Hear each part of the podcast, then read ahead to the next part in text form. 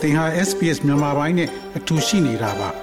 sbs.com.au/burmese မှာပုံမထူးခဲ့တဲ့သတင်းစာမားတွေကိုရှားဖွေပါ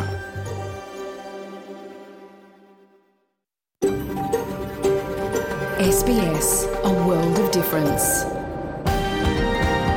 You're with SBS Burmese on mobile, online and on radio. mobile online နဲ့ radio ပေါ်မှာသင်ဟာ SPS မြန်မာပိုင်းနဲ့အ တူရှိနေတာဖြစ်ပါတယ်တော်ရရှိမြချက်သိမင်္ဂလာဖျားဖျားနဲ့ပြည်စုံတော်မူကြပါစားခင်ဗျာ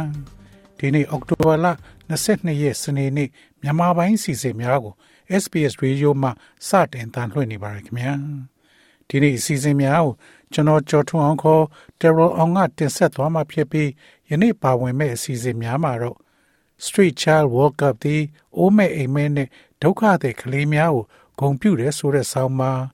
Australian အများစုက Multiculturalism ဟာနိုင်ငံအတွက်ကောင်းကြောင်းသဘောတူတယ်ဆိုတဲ့ဆောင်းပါးတန်ရွယ်ခက်ကပြီးပို့ထားတဲ့ Democracy တိုက်ပွဲအတွင်းကငှက်ပြားတော်လှန်ရေးဆိုတဲ့ဆောင်းပါးတို့ကို နားဆင်ရမှာဖြစ်ပါတယ်ဒီနေ့ခေါင်းကြီးပိုင်းသတင်းတွေကတော့ New South Wales မြောက်ပိုင်းတွင် ရေလွှမ်းမိုးမှုမြင့်တက်ဗြိတိန်ဝန်ကြီးချုပ်ယာဒူးမှနှုတ်ထွက်မြမအရေးကူညီဖို့တောင်ကိုရီးယားမှာ NUG ဝန်ကြီးတင်ပြယ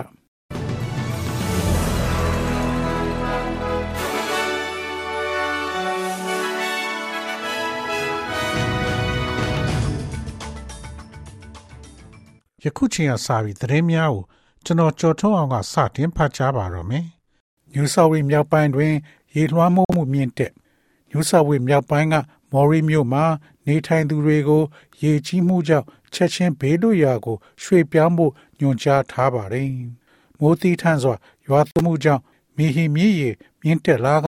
2021ခုနှစ်မတ်လအလားတူအမြင့်သို့ရောက်ရှိမည်ဟု State Emergency Services ဌာနကသတိပေးထားပါတယ်။မော်ရီမြောက်ပိုင်းရှိမြေနိမ့်ပိုင်းနေရာများတွင် နေထိုင်သူများကို နေအိမ်များရေလွှမ်းမိုးခြင်းမပြုမီဘေးလွတ်ရာသို့ရွှေ့ပြောင်းရန်ညွှန်ကြားထားပြီး တောက်ကြနဲ့စနေနေ့အထိညတွင်ချင်းဖြစ်ပွားနိုင်တယ်လို့သတိပေးထားပါတယ်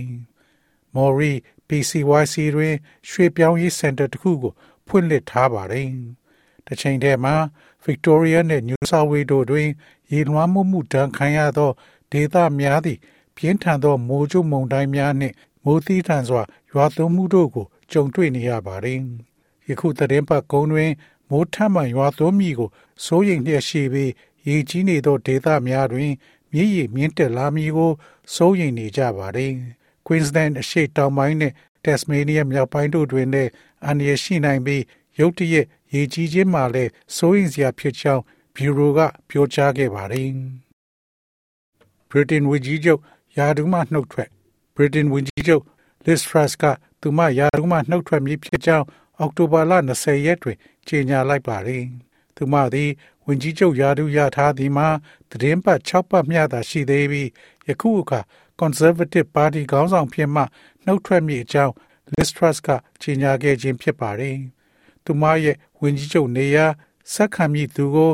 နာမည်သတင်းပတ်ကုံမတိုင်းမီရွေးချယ်သွားမယ်လို့လည်း Liz Truss ကပြောဆိုပါတယ်။လက်ရှိအခြေအနေအရ Conservative Party ကကျမကိုရွေးချယ်ထားတဲ့တာဝန်ပေးခဲ့တဲ့လုတ်ပိုင်ခွင့်အာဏာကို မျှော်လင့်ထားတဲ့အတိုင်းမထမ်းဆောင်နိုင်ခဲ့ဘူးဆိုတာကို ကျမဝန်ခံပါတယ်။ဒါကြောင့်ကျမ Conservative Party ခေါင်းဆောင်ဖြစ်ကနေနှုတ်ထွက်မဲ့အကြောင်းဘီရင်ကြီးကိုလည်းအသိပေးအကြောင်းကြားပြီးပါပြီ။ Liz Truss ကပြောဆိုပါတယ်။သူမနေရာဆက်ခံမိသူကိုရွေးချယ်မဲ့ခေါင်းဆောင်ရွေးကောက်ပွဲတရက်ကိုလည်းလာမယ့်သတင်းပတ်အတွင်းအပိသတ်သွားမယ်လို့သူမကပြောဆိုပါတယ်။မြန်မာအရေးကူညီဖို့ တောင်ကိုရီးယားဆွေးနွေးပွဲမှာ NUG Federal ဝန်ကြီးတင်ပြ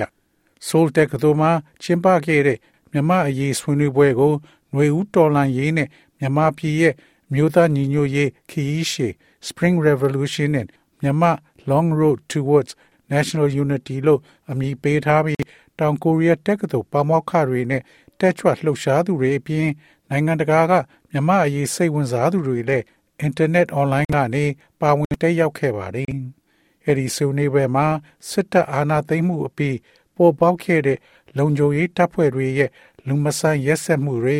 တော်လှန်ရေးအင်အားစုတွေရဲ့လှုပ်ရှားမှုတွေကိုပြည်ရင်းပြည်ပပညာရှင်တွေက စာတမ်းတွေဖတ်ကြားတင်ပြခဲ့ကြပါတယ်။ဒီဆွေးနွေးပွဲကိုတက်ရောက်တင်ပြဆွေးနွေးဖို့အတွက် NUG အမျိုးသားညီညွတ်ရေးအစိုးရ Federal ပြည်ထောင်စုရေးရာဝန်ကြီးဒေါက်တာစလိုက်ရမူစာခေါင်းကိုစိုးတက်ကတူကဖိတ်ကြားခဲ့ပါတယ်။ ဒီဆွေးနွေးပွဲဟာ NUG ရဲ့အောင်ပွဲတစ်ခုဖြစ်ပြီးမြမနွေဦးတော်လိုင်းရေးရဲ့ထူးခြားတဲ့အချက်လက်တွေကိုသူတင်ပြခဲ့တယ်လို့ဒေါက်တာစလိုက်လျမုန်းစာခေါင်းက RFA ကိုပြောဆိုပါတယ်။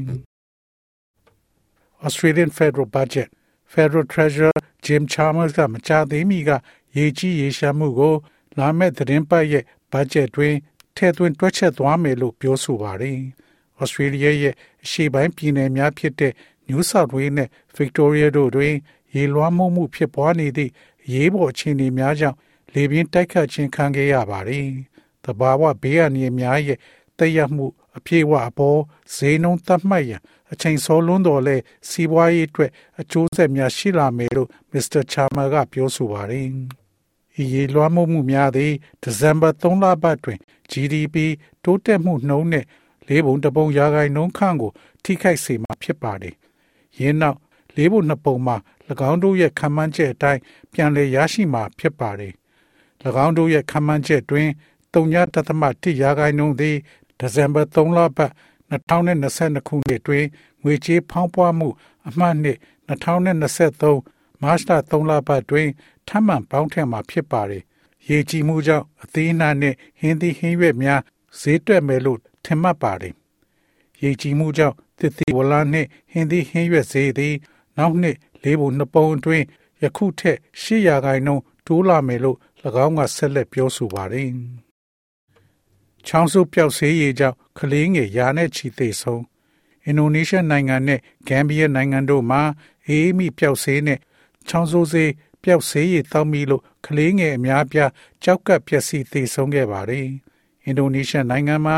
ကလေးငယ် 69ယောက်ထက်မနည်းသေဆုံးခဲ့ပြီးနောက်ချောင်းဆိုးပျောက်ဆေးအယောင်အားလုံးကိုယာယီပိတ်ထားပါတယ်။အောက်တိုဘာလ18ရက်အထိအင်ဒိုနီးရှားမှာချောင်းဆိုးပျောက်ဆေးရည်တောက်သုံးမိတဲ့ကလေးငယ်200ကျော်နာမကျန်းဖြစ်ခဲ့ပြီး69ယောက်ထက်မနည်းသေဆုံးခဲ့ပါတယ်။ဆေးရည်တွေထဲမှာအဆိပ်သင့်ဓာတုတွေပါမပါစစ်ဆေးမှုမပြီးခင်အထိဒီဆေးရည်တွေရောင်းချခွင့်ကိုလည်းပိတ်ပင်ထားတယ်လို့အင်ဒိုနီးရှားကျန်းမာရေးဌာနက အောက်တိုဘာလ20ရက်ကြာသပတေးနေ့ကကြေညာခဲ့ပါတယ်။ကလေးငယ်တွေတောက်မိတဲ့ဆေးရည်တချို့ကအိန္ဒိယထုတ်ချောင်းဆိုးပြောက်ဆေးရည်ဖြစ်တယ်လို့တချို့ကပြောပေမဲ့ဘဲကထုတ်တဲ့ဆေးရည်တွေကြောင့်အခုလိုကလေးငယ်အများပြားသေဆုံးတယ်ဆိုတာအင်ဒိုနီးရှားကျန်းမာရေးဌာနကတော့မပြောသေးပါဘူး။ဒါပေမဲ့ဂမ်ဘီယာနိုင်ငံမှာကလေးငယ်80နီးပါးအလားတူကြောက်ကပ်ပြက် သေဆုံးခဲ့တာအိန္ဒိယနိုင်ငံထုတ်အေးမိချောင်းဆိုးပျောက်ဆေးရည်နဲ့ဆက်ဆက်တယ်လို့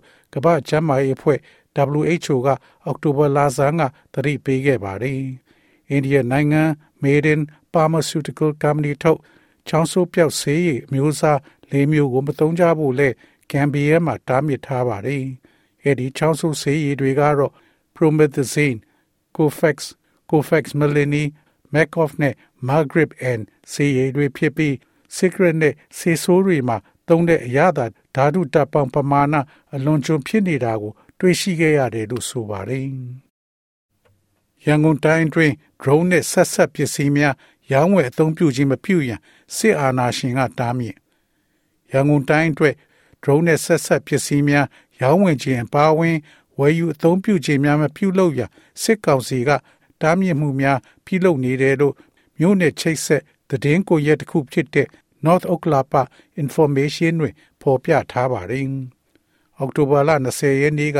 စစ်ကောင်စီလက်အောက်ခံမြောက်ဥက္ကလာပမြို့နယ်အထွေထွေအုပ်ချုပ်ရေးမှူးရုံးရဲ့ဒေသန္တရအမိန့်ကြေညာစာတွင်ရန်ကုန်တိုင်းတွင်ရှိကုန်တိုက်ကြီးများလျှက်စစ်ပစ္စည်းအယောင်းဆိုင်များနှင့်စတိုးဆိုင်များတွင် drone နှင့်ဆက်ဆက်တဲ့ပစ္စည်းများမယောင်းချရနှင့် ဝယ်ယူအသုံးပြုခြင်းများမပြုလုပ်ရန်ကြေညာထားပြီးလိုင်းနာမှုမရှိပါကထိရောက်စွာအရေးယူဆောင်ရွက်သွားမယ်လို့ဆိုပါတယ်။အဆိုပါဒေသန္တရအမိန့်ကြေညာစာတွင် drone များကိုအသုံးပြု၍စစ်ကောင်စီရဲ့အုပ်ချုပ်ရေးရုံးများကိုဘုံကျဲတိုက်ခိုက်နေခြင်းကြောင့်တားမြစ်ခြင်းဖြစ်တယ်လို့ North Oklahoma Information မှာဖော်ပြထားပါတယ်။ပြီးခဲ့တဲ့အောက်တိုဘာလ12ရက်ညညနေပိုင်းကရန်ကုန်မြို့လှိုင်မြို့နယ်ဆက်လေးရက်ကွက် ဘီရင်နောင်လမ်းပေါ်ရှိ အမတ်တစ်စစ်ကြောရေးနဲ့တဲခိုစခန်းအား drone ဖြင့်တိုက်ခိုက်သည့်ဖြစ်စဉ်တစ်ခုဖြစ်ပွားခဲ့ပြီးနောက်ပိုင်းယခုကဲ့သို့ထုတ်ပြန်လာခြင်းဖြစ်ကြောင်းသိရှိရပါတယ်။ Australia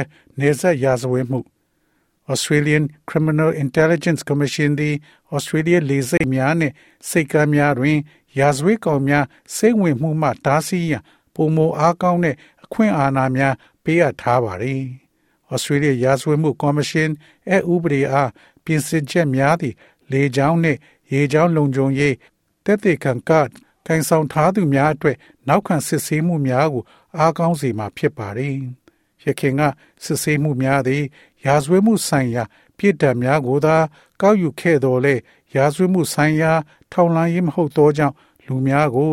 ချီလေးသောရာဇဝတ်မှုများနှင့်ချိတ်ဆက်မှုများရှိနေတော်လဲ security pass ကို ပေးအပ်နိုင်ခဲ့ပါတယ်။ Australia လေဆိပ်များနှင့်တင်မောခြင်းများကို အသုံးပြုကာမူရစ်ဆေးဝါးနှင့်တခြားမောင်ခိုကူးသူများမောင်ခိုကူးရန်အတွက်ယုံကြည်စိတ်ချရသောအတွင်းလူများနှင့်ပတ်သက်၍စိုးရိမ်မှုများရှိနေပါတယ်။ SBS SBS SBS SBS SBS This is SBS Radio. ငွေလဲနှုန်းမှာတော့ Australian dollar ကိုမြန်မာကျပ်ငွေ 1333ကျပ်ရရှိပြီး American dollar ကိုမြန်မာကျပ်ငွေ2098ကျပ်ရရှိပါတယ်။ Australian dollar ဟာ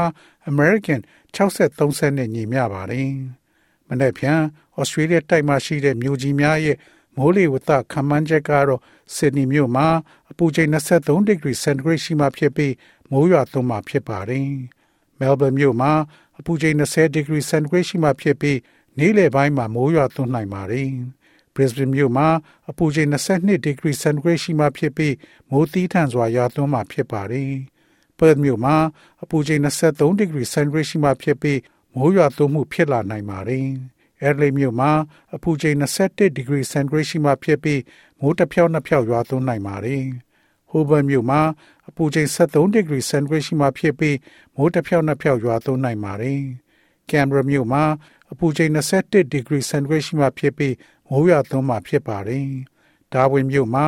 အပူချိန်35 degree centigrade ရှိမှဖြစ်ပြီးမိုးတိမ်သားများအနည်းငယ်ရှိမှဖြစ်ပါတယ်။ဤတွင်သတင်းများကိုကြီးညာလို့ပြီးပါပြီခင်ဗျာ။။